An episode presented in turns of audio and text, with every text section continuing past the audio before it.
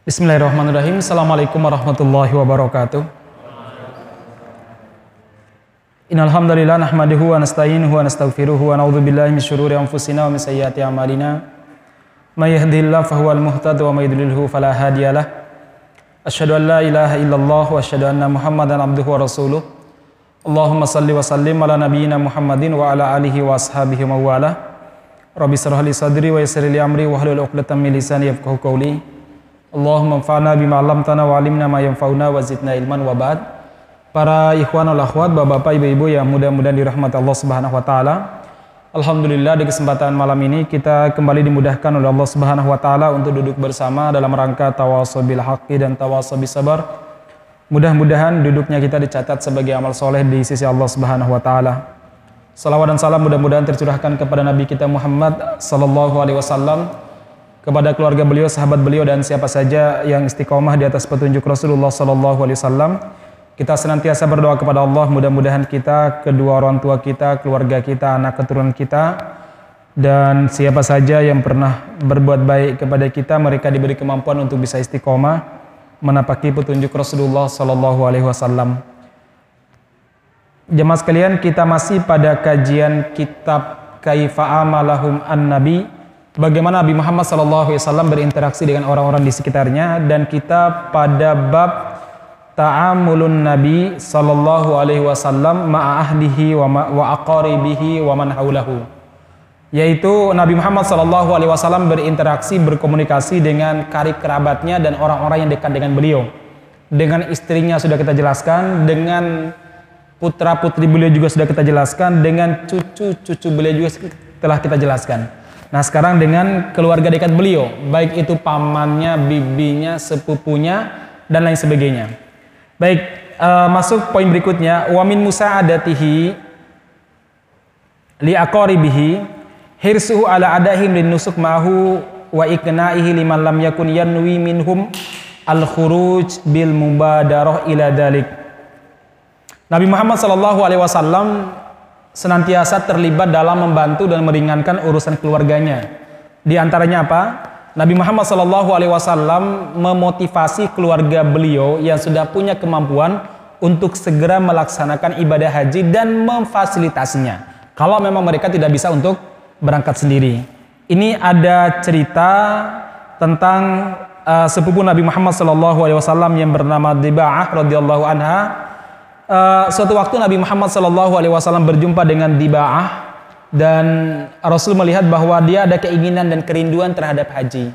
Nabi Muhammad sallallahu alaihi wasallam bertanya, "Aratil hajja?" Saudari, apakah kamu ingin pergi haji? Tawaran dari Nabi Muhammad sallallahu alaihi wasallam. Kemudian uh, Diba'ah mengatakan, "Wallah ma'ajiduni illa waj'atan." Saya tidak memiliki apa-apa, ya saya sangat kesusahan untuk berangkat haji. Dia tidak punya uh, finansial untuk berangkat haji. Nah, jemaah sekalian, kemudian Nabi Muhammad Shallallahu Alaihi Wasallam memotivasinya dan memfasilitasi beliau untuk berangkat haji. Ini di antara cara Nabi Muhammad Shallallahu Alaihi Wasallam berbuat baik kepada keluarganya. Jadi kalau kita punya keluarga dekat, mungkin dia sudah punya kemampuan dalam masalah finansial, rumah sudah ada, anak-anak sudah selesai sekolah ataupun kuliah, kemudian dia juga nggak punya hutang, sementara diberi kelebihan oleh Allah Subhanahu Wa Taala, semangati dia untuk melaksanakan kewajiban Islam yang kelima yaitu haji. Karena jamaah sekalian, Allah Subhanahu Wa Taala melaknat orang yang punya kemampuan untuk haji tapi dia tidak mau haji fenomena yang kita temukan sekarang banyak saudara-saudara kita yang sebenarnya punya kemampuan untuk haji tapi nggak mau dianggap eman-eman. Ya nggak dianggap eman-eman. Malah mereka pilih untuk wisata. Mau ke Eropa kemudian ke apa namanya ke Cina ke Australia. Mereka justru tidak menggunakannya untuk untuk haji. Apalagi dianggap bahwa haji itu berat. Ya harus berpanas-panasan berdesak-desakan Nah, masyarakat muslimin yang mudah mudah dirahmati Allah Subhanahu wa taala, kalau kita menemukan fenomena seperti ini ada pada keluarga kita, ingatkan bahwa di antara kesempurnaan iman kita adalah adalah haji. Bahkan sebagian para ulama sangat tegas kalau ada orang yang punya kemampuan haji, tapi dia tidak mau haji, dia itu dipenjara. Ya. Tidak mau haji kan ada orang-orang yang punya kemampuan sebenarnya tapi tidak mau berangkat haji. Nah, jemaah sekalian, uh, yang mudah-mudahan dirahmati Subhanahu wa taala, itu poin pertama yang bisa kita ambil dari kisah Nabi Muhammad SAW beserta dengan sepupu perempuan beliau. Yang kedua, teman-teman sekalian, kita sangat-sangat disunahkan untuk mencontohi Nabi dalam memfasilitasi keluarga dekat kita untuk beribadah. Kalau mereka ingin beribadah, umroh misalkan, sementara dia hanya punya kemampuan biasa paruh, sementara Allah Subhanahu wa taala memberi kelebihan kepada kita berupa kelebihan harta, kemudahan untuk mencari rezeki, maka kita disunahkan untuk mengikuti Rasulullah sallallahu alaihi wasallam, biayai dia. Kasih uang, misalnya kalau dia cuma punya 15 juta, sementara umroh hari ini misalkan totalnya dengan pulang pergi dan lain sebagainya taruhlah 25 sampai 30 untuk beli oleh-oleh dan sebagainya. Udah tambah aja mas tambah 15. Nah, masyarakat muslimin, ya mudah-mudahan dirahmati Allah Subhanahu wa taala. Itu bukan sia-sia. Satu memfasilitasi orang beribadah, yang kedua mencontohi Nabi Muhammad SAW dalam berbuat baik dengan uh, anggota keluarga. Baik, kemudian uh, di antara lagi di sini disebutkan wakana yutabi'u umuro aqrabihi wa ya'tani bisihatihim. Di antara interaksi Nabi Muhammad SAW dengan orang-orang terdekat adalah apa? beliau sangat peduli dengan kondisi keluarga dekatnya dan sangat peduli dengan kesehatan mereka. Nanya kabar mereka, bagaimana kabar kesehatan mereka, apalagi kalau mungkin umurnya udah sepuh. Anda punya bibi, teleponlah. Bagaimana kabarnya? Bagaimana kesehatannya? Kita punya paman yang sudah sepuh, tanyakan kabarnya. Nah, jemaah sekalian, ini ada cerita disebutkan uh, Nabi Muhammad Sallallahu Alaihi Wasallam, Nabi Muhammad Sallallahu Alaihi Wasallam, suatu waktu uh, ditemui oleh salah seorang sahabiah namanya Umil Mundir bintil Qais al Ansoriyah. Kemudian saat itu Nabi Muhammad Sallallahu Alaihi Wasallam sedang duduk bersama dengan Ali bin Abi Thalib dan Ali sedang kena penyakit nakohun saya baca keterangan para ulama nakoh ini sejenis penyakit demam yang membuat orang mudah pingsan. Saya nggak tahu demam sakit apa ini ya. Jadi demam tiba-tiba kemudian orang tuh mudah pingsan. Nah jemaah sekalian, uh, kemudian uh, Sohabia ini yaitu Umi Mundir itu memiliki anggur yang diasamkan, dikecutkan. Jadi disebutkan di sini, eh, mohon maaf bukan anggur, kurma mungkin ini jenis makanan orang-orang Arab pada zaman dulu untuk mengawetkan kurma itu dikecutkan mungkin dikasih dicampur dengan zat-zat tertentu biar rodo kecut-kecut manis mungkin begitu. Nah, ketika Rasulullah Shallallahu Alaihi Wasallam melihat Umi Mundir membawa itu, Nabi Muhammad SAW memakan karena dihadiahkan kepada beliau. Ali bin Abi Thalib yang satu lagi sakit mencoba mengambilnya, belum sempat beliau masukkan ke dalam mulutnya, tangannya dipegang sama Nabi. Ya Ali, Inna mah inna kana kohun. Ali buang buang buang. Eh, jangan makan jangan makan. Karena kamu lagi sedang sakit dan sakitmu nggak cocok dengan ini. Jadi beliau sangat peduli betul. Sampai pada pantangan makanan Ali, pantangan makan itu beliau tahu, oh ini nggak layak. Kamu sakitnya seperti nggak cocok makan seperti ini. Nah beda halnya ketika Umi Mundir membuatkan uh, sejenis snack makanan yang terdiri dari tepung sama apa salakon. Salakon tuh keterangan para ulama ada semacam jenis ubi-ubian di Arab. Mungkin bukan singkong ya karena sana nggak ada singkong ya. Jenis jenis ubi-ubian ya kemudian tepung gandum dicampur ya kemudian di, dikasih manisan. Nah sehingga rasanya enak ya nggak tahu sekarang kayak apalah di di negara kita sekarang. Nah Rasulullah Shallallahu Alaihi Wasallam melihat bahwa ini bagus untuk lambung dia. Maka apa kata Rasulullah SAW kepada Ali? Ya Ali, asab min hada fahu anfa'alak. Ali, makan ini. Kalau ini baik bagi kamu. Kalau tadi nggak baik bagi kamu.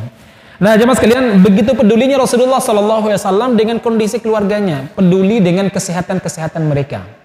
Masya Allah, jemaah sekalian, beliau bukan sekedar peduli tentang ibadah, bukan sekedar bagaimana memimpin negara dan memimpin sebuah pasukan, tapi Nabi Muhammad SAW juga peduli dengan kondisi keluarga di sekitarnya.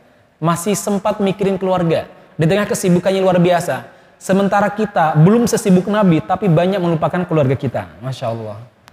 Saya juga mengakui kadang nelpon paman itu sebulan kadang baru ingat ya. Kadang paman atau bibi baru WA. Gimana kabarnya ya. Tapi luar biasa kita mencoba untuk mencontohi Nabi Muhammad SAW. Beliau betul-betul peduli dengan orang-orang di sekitarnya.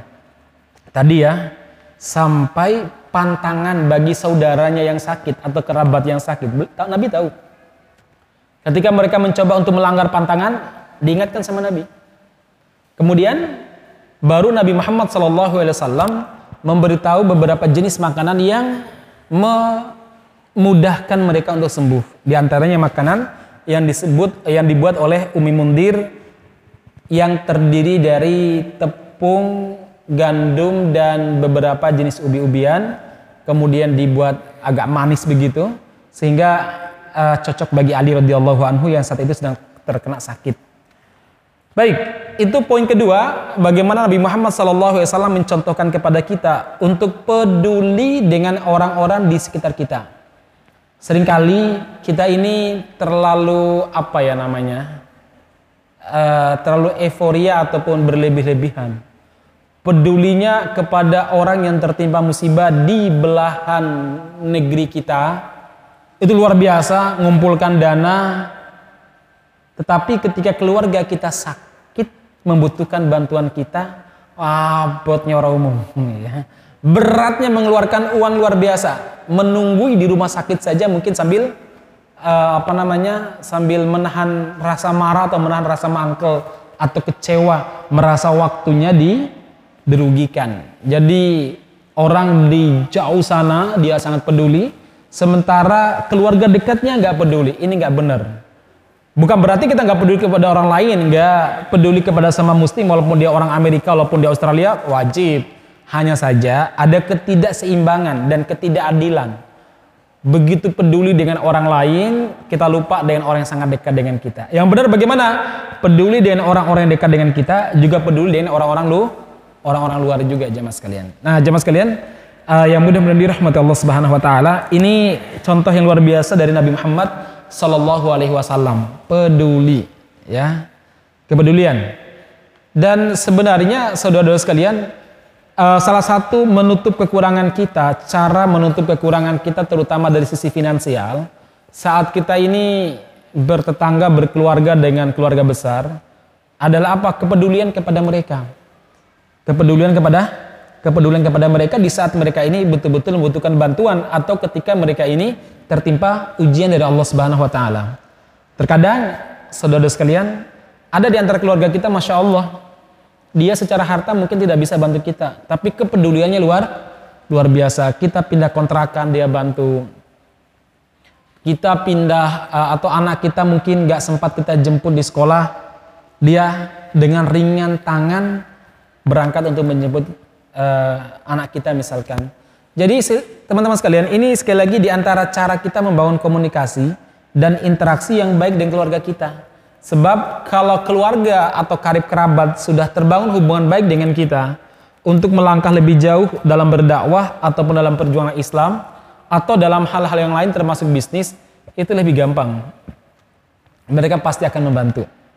Baik, jemaah sekalian, uh, poin ketiga Wasta'ana an-nabiyyu sallallahu alaihi wasallam bi aqaribihi radhiyallahu anhum wastanabahum wasta'malahum fi katsirin min syu'unihi. Poin yang ketiga adalah apa? Nabi Muhammad sallallahu alaihi wasallam sering mempercayakan beberapa amanah, beberapa tugas-tugas penting kepada karib kerabat beliau supaya mereka ini terbiasa dalam memimpin, leadernya biar ada, kemampuan memimpinnya. Nah, masyarakat muslimin tentu Nabi Muhammad Shallallahu Alaihi Wasallam mengamanahkan kepada mereka beberapa pekerjaan ataupun beberapa tugas sesuai skill yang mereka miliki. Tidak sembarang tentunya ya. Tentu mereka punya kemampuan yang sepertinya ada pada mereka dibandingkan nyuruh orang lain mending meminta bantuan kepada mereka. Jadi mempercayakan sebagian urusan yang kita hadapi kepada keluarga kita itu juga penting. Sebagai sebuah contoh jemaah sekalian, Rasulullah Shallallahu Alaihi Wasallam mempercayakan Ali, keluarga dekat beliau, untuk menggantikan Nabi Muhammad Shallallahu Alaihi Wasallam di tempat tidurnya memakai selimut Nabi di saat Nabi Muhammad hijrah pada malam hari agar orang-orang musyrik itu merasa dan mengira Nabi Muhammad SAW masih di kamar. Padahal Nabi Muhammad sudah keluar malam-malam tengah malam, beliau menemui Abu Bakar As-Siddiq radhiyallahu anhu, kemudian mereka berangkat ke Gua Thur, bersembunyi di, sana selama tiga hari. Nah orang-orang musyrik ketika mereka bangun sambil ngantuk-ngantuk lihat ke dalam, mereka menengok ternyata Nabi Muhammad masih tidur ya, padahal itu adalah Ali. Mereka pun tenang sampai mereka tertidur, bangun-bangun matahari sudah tinggi, jadi mereka terbangun karena sengatan matahari. Begitu bangun, mereka masuk ke dalam dan mereka merasa aman karena melihat Nabi Muhammad masih tidur. Ternyata setelah didekat siapa dia? Ali radhiyallahu anhu. Betapa kecewanya mereka luar biasa. Nah, masyarakat muslimin, ini di antara cara Nabi Muhammad SAW beri kepercayaan kepada keluarganya. Pernah juga jemaah sekalian Nabi Muhammad SAW memberi kepercayaan kepada Ali untuk memimpin pasukan yang akan menyerang uh, Yahudi uh, Yahudi Yahudi Khaybar. Jadi suatu waktu saudara sekalian Nabi Muhammad Shallallahu Alaihi Wasallam sedang duduk bersama dengan para sahabat. Kemudian tiba-tiba Nabi Muhammad bilang begini, Lautian narroyah godan liman ahabbahullah uh, liman yuhibbullah wa rasulah wa yuhibbuhullah wa rasuluh. Besok saya akan memberikan panji peperangan ini, maksudnya yang akan saya angkat sebagai komandan, seorang laki-laki yang sangat mencintai Allah, sangat mencintai Rasul, dan dia sangat dicintai Allah dan Rasulnya. Wah, itu luar biasa itu jamaah sekalian. Umar tuh cerita, seumur-umur, saya tuh belum pernah berangan-angan jadi pemimpin. Kecuali saat itu. Kenapa? Karena jaminannya cinta banget kepada Allah dan Rasulnya dan dicintai, sangat dicintai oleh siapa? Allah dan Rasulnya. Senang tuh Umar, makanya Umar apa? Disebutkan Umar tuh duduk soft depan, soft nomor 2 atau nomor 3. Beliau kemudian maju di soft pertama, biar ditunjuk.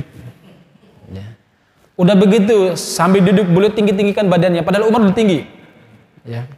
Tapi Nabi lihat aja lewat ya. Umar gini-gini itu ya. Ya Nabi lihat aja gitu ya dicuekin sama Nabi, diabaikan.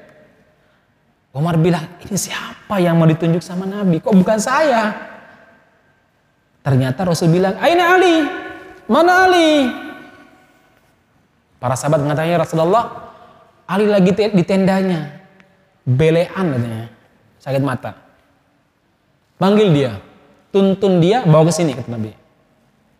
Oleh para sahabat, dijemputlah Ali di tendanya, dituntun, untuk menemui Rasulullah Sallallahu Alaihi Wasallam karena boleh belean mata, belean betul-betul sakitnya luar biasa.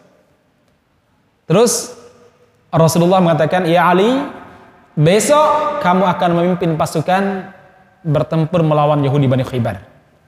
Ya Rasulullah, bagaimana bisa sementara mata saya sakit ya Rasulullah? Mana matamu? Ini ya Rasulullah. Bismillahirrahmanirrahim. Nabi membaca Bismillah dan komat kami doa sebentar, lalu meludahi keduanya kiri kanan. Puh, puh, puh sembuh seketika. Masya Allah. Tapi jangan dipraktekkan Pak ya. Ini di luar logika kesehatan Pak, logika apa namanya nalar medis ini ya. Ini sudah nalar wahyu, nalar karomah. Sembuh jangan sekalian, diludahin. Kalau sampean punya teman ada ludahin perang akhir zaman nanti ya. Nah jemaah sekalian yang mudah dirahmati subhanahu wa ta'ala akhirnya Nabi Muhammad SAW memberikan royah kepada Ali dan Ali memimpin pasukan dan Allah Subhanahu wa taala memenangkan pasukan Islam lewat perantaraan Ali bin Abi Thalib radhiyallahu anhu sebagai pemimpin pasukan pada saat itu. Jadi beri kepercayaan ya Mas kalian. Berikan kepercayaan kepada keluarga kita yang punya potensi. Kalau dia punya potensi misalkan sales ya.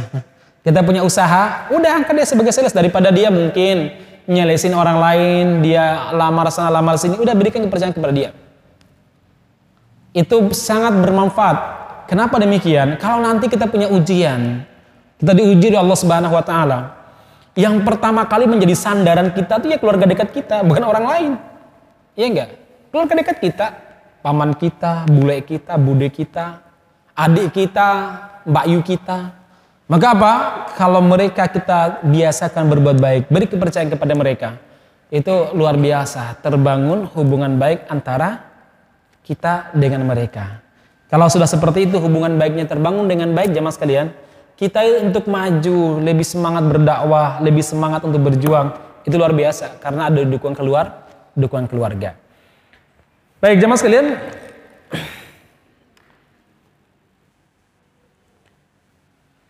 Di antara contoh lainlah adalah apa? Nabi Muhammad SAW mempercayakan kepemimpinan para muhajirin yang berangkat hijrah kedua karena hijrah ke Habasyah dua kali. Hijrah Habasyah kedua kalinya yang berjumlah 83 kaum muslimin dan muslimat ke negeri Habasyah jauh sekali Ethiopia teman-teman sekalian kalau kita lihat peta kan Ethiopia itu agak bawah, harus lewat laut. Itu kepada saudaranya, saudara sepupunya namanya Ja'far bin Abi Thalib, kakaknya Ali bin Abi Thalib. Beliau percayakan, bukan kepada orang lain. Karena beliau lihat bahwa Ja'far ini punya kemampuan memimpin leadership. Dan dia punya kemampuan komunikasi yang baik. Lewat Ja'far lah kelak nanti Najasi, Raja Habasyah itu masuk Islam lewat komunikasi dan kefasihannya si Ja'far membuat uh, Raja Najasyi masuk Islam. Masya Allah. Baik, masyarakat muslimin yang mudah mudahan dirahmati Allah Subhanahu wa taala. Ini pelajaran juga banyak ya. Salah satunya teman-teman sekalian adalah apa tadi? Kalau kita punya keluarga yang punya potensi dan potensi tersebut kita butuhkan dalam usaha kita atau dalam pekerjaan kita, angkatlah mereka sebagai orang kepercayaan kita. Jangan sampai sekali lagi orang jauh kita peduli, kita berikan kepercayaan, sementara mungkin kehidupan dia basis ataupun basic pendidikannya, keluarganya kita nggak ngerti, kita percayakan pada mereka, ini lebih parah aja mas kalian. Ibarat di negeri kita, anak negeri cari kerja susah luar biasa, malah banyak pekerjaan diberikan kepada WNA. Ya. Alasannya macam-macam, karena mereka lebih katanya lebih ahli dan lain sebagainya. Lebih ahli bagaimana? Buktinya dalam beberapa teman-teman cerita di kerja tambang, mereka juga dikandani kadang ngeyel, ya. kadang nggak bisa kerja dan lain sebagainya. Itu mungkin tukang-tukang batu datang ke sini. Sementara kita rata-rata sarjana minimal S1 atau D1, D1, D2, D3 lah yang kerja. Sementara mereka mungkin tadi ya, apa namanya? Tukang batu, tukang ngamen, daripada ngeribetin sana terus dibawa ke sini. Uh, baik, ini kan mirip-mirip pada zaman dulu ketika Inggris Raya, Britania Raya itu punya tawanan yang sangat banyak sekali. Sampai beban makanan tawanan itu hampir membuat negara rugi. Bayangkan aja kalau seandainya punya tawanan jumlahnya 50 ribu misalkan. Atau jumlahnya satu juta punya tawanan, punya orang di penjara jumlahnya berapa? Narapidana satu juta. Kalikan ma makannya mereka tiap hari gimana? Gitu? Oh, repot itu. Belum biaya hidupnya, mandinya, airnya, dan lain sebagainya. Akhirnya oleh Britania Raya, ini sebagian yang kita baca ya, dicarikan tempat. dicarikan tempat untuk apa? Pindah. Mereka dikaryakan. Dibawalah ke Amerika Serikat. Dibawalah ke Australia Australia. Jadi mantan gali-gali ini kemudian tinggal di Australia, tinggal di Amerika Serikat, akhirnya karena terbiasa melakukan kejahatan di negaranya sana, di benua yang baru pun melakukan kejahatan luar biasa, melakukan pembantaian kepada suku aborigin yang asli, melakukan pembantaian kepada suku Indian yang merupakan penduduk as asli. Sehingga apa sekarang? Semua benua ini hari ini hampir dihuni mayoritas berkulit putih kulit putih sementara aborigin yang kulitnya hitam sebagaimana saudara kita dari Papua sudah hampir habis sebagaimana saudara-saudara kita di India yang kulitnya sawo matang udah hampir habis. Uh, dalam beberapa riwayat yang saya baca teman-teman sekalian jadi suku aborigin itu di eh, suku Indian ada di antara mereka sudah masuk Islam. Ibnu Batuta pernah menulis tentang lawatannya ke negeri sana. Bahwa sudah ada di antara mereka ini yang masuk masuk Islam. Uh, teman-teman sekalian yang mudah-mudahan dirahmati Allah Subhanahu wa taala. Kemudian selanjutnya uh, menampakkan rasa gembira terhadap kebaikan yang didapatkan oleh keluarga kita. Jadi kalau keluarga kita mungkin anaknya berhasil masuk kampus negeri, kita berikan semacam apresiasi. Wah, bagus bule. Ya, adik sudah bisa masuk ke kampus negeri, bule nggak terlalu berat biayainya, mudah-mudahan misalkan. Atau kalau anaknya masuk pondok atau mungkin berhasil hafal Quran 30 juz, berikan apresiasi kepada keluarga kita. Kepada sepupu kita atau kepada bule-bude kita. Berikan apresiasi aja mas kalian. Walaupun kita nggak bisa memberikan apa-apa, apresiasi itu sesuatu yang membuat mereka sangat senang sekali. Apalagi bagi orang-orang yang terbiasa dalam dunia komunikasi. Bagi mereka tumpukan harta nggak begitu penting dibandingkan apresia, apresiasi. Nabi Muhammad SAW membiasakan diri apresiasi. Jangan pernah malu memberikan apresiasi kepada teman-teman kita. Kepada guru-guru kita. Kepada ustadz-ustadz kita. Mereka senang luar biasa. Ada sebuah kebiasaan di beberapa majelis mulazama yang saya hadiri di luar negeri. Jadi para masyaya itu sehabis ngisi kajian, ngisi daurah, itu murid-murid datang memberikan ucapan selamat dan ucapan terima kasih. Ya Syekh, Masya Allah, saya dapat manfaat yang luar biasa. Ya Syekh, saya mendapatkan sesuatu yang sangat baru dan banyak sekali. Itu Masya Allah membuat para masyaya itu senang sekali. Nah, masalah muslimin ini bagian daripada apa? Memberikan apresiasi. Sebagai sebuah contoh, ketika Ja'far bin Abi Thalib berhasil pulang uh, hijrah ke Madinah jadi dari mana namanya dari Habasyah langsung hijrah ke Madinah jadi nggak balik ke Makkah kurang lebih berapa tahun itu ya kalau ke Habasyah itu tahun 7 kenabian kurang lebih 7 kenabian 7 13 kurang 7 berapa Pak? berapa? 6 6 tambah 6 tambah 6 berapa? 12 kurang lebih 12 tahun karena perang Khaybar kurang lebih tahun 6 Hijriah berarti kurang lebih 12 tahun mereka tinggal di tinggal di Habasyah kemudian ya kalau anak itu udah sangat besar lah. Kalau dia lahir tahun pertama hijrah di Habasyah berarti dia udah hampir lulus SD kan? Ya. Maksudnya udah besar sekali aja Mas Dedan jadi mereka membawa keluarga yang jumlahnya sangat banyak termasuk dalam rombongan tersebut adalah istri Nabi Muhammad Sallallahu Alaihi Wasallam yang beliau nikahi dari jarak jauh. Jadi beliau punya dulu ada salah seorang sahabat namanya Abdullah bin Jahas ada mata begitu. Dia ini punya istri namanya Romlah Ummu Habibah ini putrinya Abu Sofyan. Abu Sofyan saat itu masih sebagai musuh Nabi. Itu Uh, sebagian riwayat menyebutkan suaminya murtad di Habasyah. Akhirnya sang ibu ini sendiri nggak punya keluarga, nggak punya siapa-siapa. Karena secara otomatis ikatan pernikahannya bah, batal. Didengar oleh Nabi Muhammad Shallallahu Alaihi Wasallam karena dia seorang putri tokoh, wanita yang terhormat, memiliki paras yang jelita. Nabi Muhammad SAW pun melamarnya. Tapi karena jaraknya sangat jauh, maka Nabi Muhammad SAW mewakilkan pernikahan tersebut kepada Najasi yang telah masuk Islam. Jadi Najasi menikah dengan Romlah Ummu Habibah sebagai bentuk perwakilan dari Nabi Muhammad SAW. Nikah bitaukil namanya. Nah, masalah muslimin dan Najasi memberikan mahar yang sangat banyak sebagai perwakilan dari Nabi kepada Ummu Habibah. Akhirnya uh, siapa Ja'far atau Yar ataupun Ja'far bin Abi Thalib berhasil sampai ke kota Madinah dengan selamat semua rombongan tidak ada kurang satupun. Pas Nabi Muhammad Shallallahu Alaihi Wasallam memenangkan pertempuran Khaybar. Sampai-sampai Nabi Muhammad SAW pernah mengatakan, Ma'adri bi ma ana asar. Saya nggak tahu mana di antara dua peristiwa yang membuat saya lebih bergembira. Bikudumi Ja'far apakah kedatangan Ja'far dari Habasyah membawa para muhajirin dengan selamat atau dengan bifati Khaybar dengan kemenangan kami terhadap perang Khaybar. Masya Allah, apresiasi mas muslimin.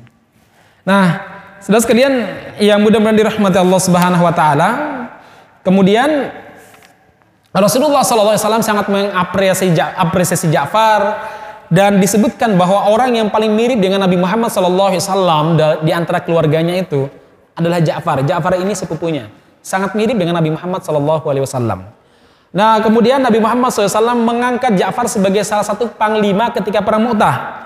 Yaitu siapa? Pertama Zaid bin Harisa. Zaid bin Harisa ini merupakan anak angkat Nabi Muhammad SAW. Kemudian Nabi Muhammad SAW mengatakan, In kutila austus hida Zaidun faja'farun. Fa'amirukum Ja'far.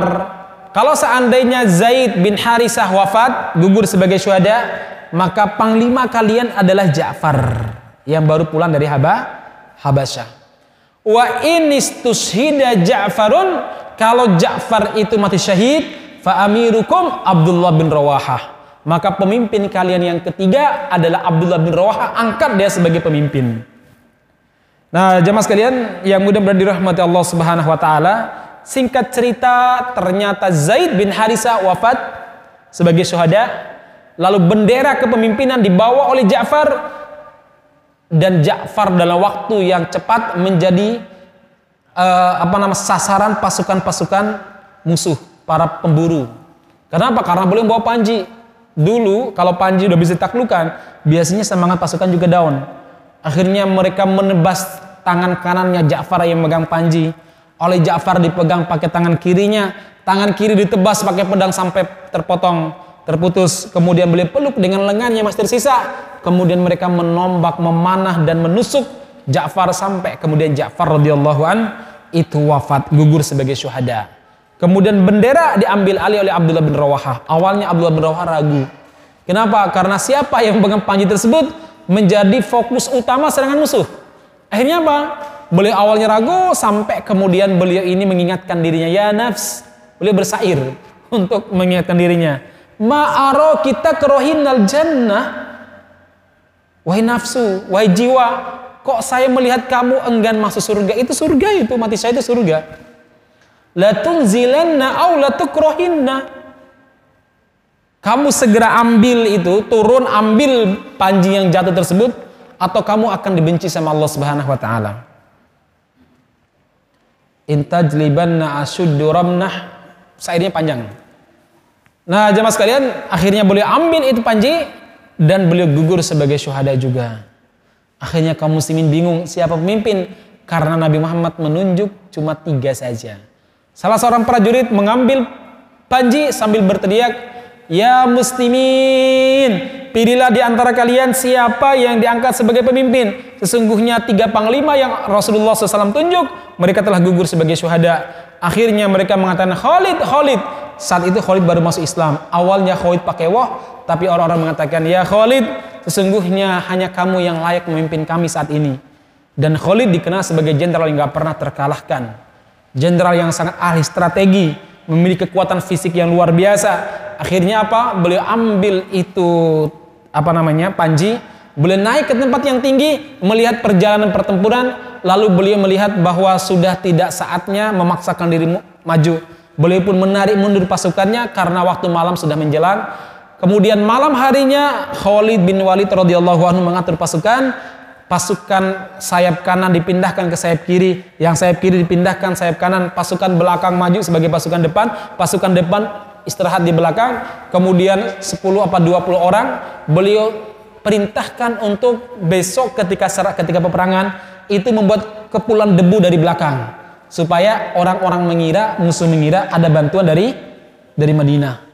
Akhirnya jemaah sekalian terjadilah peperangan sementara musuh masih tetap dengan formasi lamanya. Begitu melihat loh, ini kok musuh-musuh baru ya. Demikian sayap kanannya musuh melihat musuh yang baru, sayap kirinya musuh melihat musuh yang baru.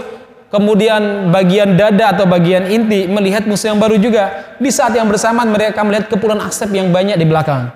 Mereka mengira ada bantuan dari kota dari kota Madinah. Apa kata mereka? yang yang dari kemarin aja susah melawannya, apalagi tenaga-tenaga seger.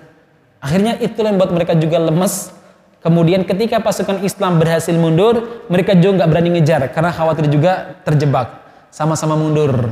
Dan Rasulullah SAW memuji uh, siapa namanya Khalid bin Walid dan mengatakan, lalu Allah Subhanahu Wa Taala memberikan bendera tersebut kepada Saifun min suyufillahil masdulah kepada pedang dari sekian pedang Allah Subhanahu Wa Taala yang terhunus dan Allah Subhanahu Wa Taala menyelamatkan kaum muslimin dari serangan musuh yang membabi buta.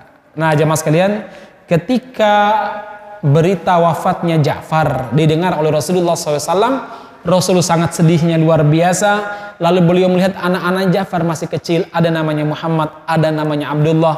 Nabi Muhammad SAW pun memanggil mereka, mencium mereka. Saat itu karena mereka pulang baru pulang dari Habasyah, mungkin belum sempat nyukur cukur, jadi rambut mereka tuh acak-acakan. Nabi Muhammad memanggil tukang cukur dan mengatakan, cukurlah mereka.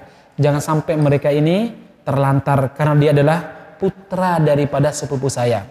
Kemudian Rasulullah SAW mencium duanya dan mengatakan Muhammad, maksudnya Muhammad bin Ja'far putra Ja'far, fasyabihu ammina Abi Thalib, sangat sangat mirip dengan paman kami, kakekmu yaitu Abu Thalib. Sementara Abdullah fasyabi kholki wa kholaki. Sementara Abdullah putra Ja'far sangat mirip akhlaknya denganku dan uh, fisiknya denganku sangat mirip sekali. Kemudian jamaah sekalian, beliau pun mendoakan anak-anaknya Ja'far. Apa doa Nabi Muhammad SAW? Allahumma khluf Ja'faran fi ali. Wa barik li Abdillah fi safaqati bi yaminihi. Ya Allah, gantikanlah Ja'far dengan orang yang terbaik untuk mengurus keluarga ya Allah. Berhari-hari Nabi Muhammad berdoa, bahkan ketika suatu waktu beliau sedang naik kendaraan, maksudnya naik kudanya, melihat putra-putranya Ja'far lagi main-main, Kemudian Rasulullah memanggil para sahabat, tolong si Muhammad naikkan ke depanku, si Fulan naikkan ke belakangku. Ya, dielus-elus kepalanya oleh Rasulullah, dicium oleh Rasulullah sambil beliau mendoakan, Ya Allah, Allahumma khluf Ja'faron fi waladi. Ya Allah, gantikanlah orang yang terbaik bagi putra-putranya Ja'far untuk mendidik putra-putranya Ja'far. Jemaah sekalian, istri Ja'far namanya Asma binti Khumais Dikenal sebagai wanita yang sangat cerdas dan wanita yang sangat cantik. Banyak para sahabat yang melamar tapi belum belum berkenan. Sampai kemudian Nabi Muhammad SAW berkata kepada Abu Bakar, wahai Abu Bakar, yang layak menggantikan Ja'far bagi keluarganya adalah engkau. Nikahilah Asma binti Umais dan Asma binti Umais ketika dilamar oleh Ja'far maka dia menerima dengan lapang dada karena satu dia tahu bagaimana track recordnya Abu Bakar As-Siddiq radhiyallahu anhu orangnya baik. Walaupun istrinya seingat saya saat itu sudah dua apa sudah tiga. Sementara yang kedua uh, ini adalah perintah Rasulullah Sallallahu Alaihi Wasallam. Nikahlah dan ternyata luar biasa. Asma binti Khumais dan anak-anaknya Jafar betul-betul terawat dalam bimbingannya Abu Bakar As-Siddiq radhiyallahu anhu Jamaah sekalian, ini banyak sekali pelajaran yang bisa kita ambil. Salah satunya apa? Kepedulian Nabi Muhammad SAW kepada keluarganya luar biasa. Sampai kepada putra-putri sepupunya yang telah gugur sebagai syuhada, beliau sangat peduli, sangat kasih sayang kepada mereka, mendoakan kebaikan kepada mereka. Bahkan beliau mencari, berinisiatif, mencari jodoh yang terbaik bagi janda sepupunya agar istrinya nggak terlantar dan juga anak-anaknya nggak terlantar. Boleh cari yang terbaik siapa? Boleh melihat bahwa orang yang paling bertanggung jawab dan punya kemampuan secara finansial maupun fisik serta punya leadership yang baik siapa? Abu Bakar. Walaupun istrinya sudah dua, tapi kemampuannya lebih baik. Ya kan daripada dia daripada dia duda, ya nggak punya istri tapi nggak punya leadership, ya nggak punya kemampuan untuk merawat anak-anak dan merawat jandanya Jafar. Mending nggak sama sekali. Nah, jamaah sekalian yang mudah-mudahan dirahmati Subhanahu wa taala, Itulah pikiran Nabi Muhammad Sallallahu Alaihi Wasallam. Yang kedua yang bisa kita ambil jamaah sekalian, kebiasaan para sahabat ketika saudaranya gugur sebagai syuhada, mereka ini berlomba-lomba untuk melamar istri mereka. Supaya apa? Supaya mereka bisa merawat putra-putri para syuhada yang gugur. Ya, bukan untuk mendapatkan harta uh, warisannya, nggak dapat warisannya. Ya, ini Salah satu kenapa para sahabat dulu ketika ada janda, terutama janda yang gugur sebagai suada, mereka cepat-cepat melamarnya karena ini, karena mereka itu apa? Ingin bisa merawat dan terlibat memperbaiki uh, keluarga keluarga mereka. Karena jamaah sekalian, banyak kemudian di kalangan kita di negeri kita, terutama di negeri kita, status janda apalagi masih muda, umur usia 20, 30 tahun atau 40 tahun, itu seakan-akan di tengah masyarakat itu aib atau seakan-akan sesuatu yang cacat. Padahal itu bagian daripada konsekuensi kehidupan. Apalagi kalau sudah ber, ber, bernama jihad dan dakwah itu selalu ada namanya janda.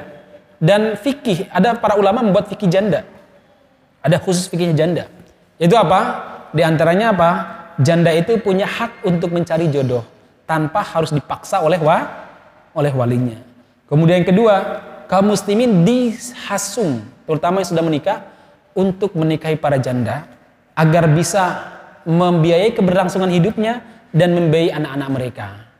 Nah, cuma kalau di sini dipraktekkan perang dulu sama istri kan begitu masalahnya. Iya ibu-ibu ya. Iya. Susahnya kita begitu jamaah sekalian ya. Perang dulu hilang kahi mayat saya baru bisa kan.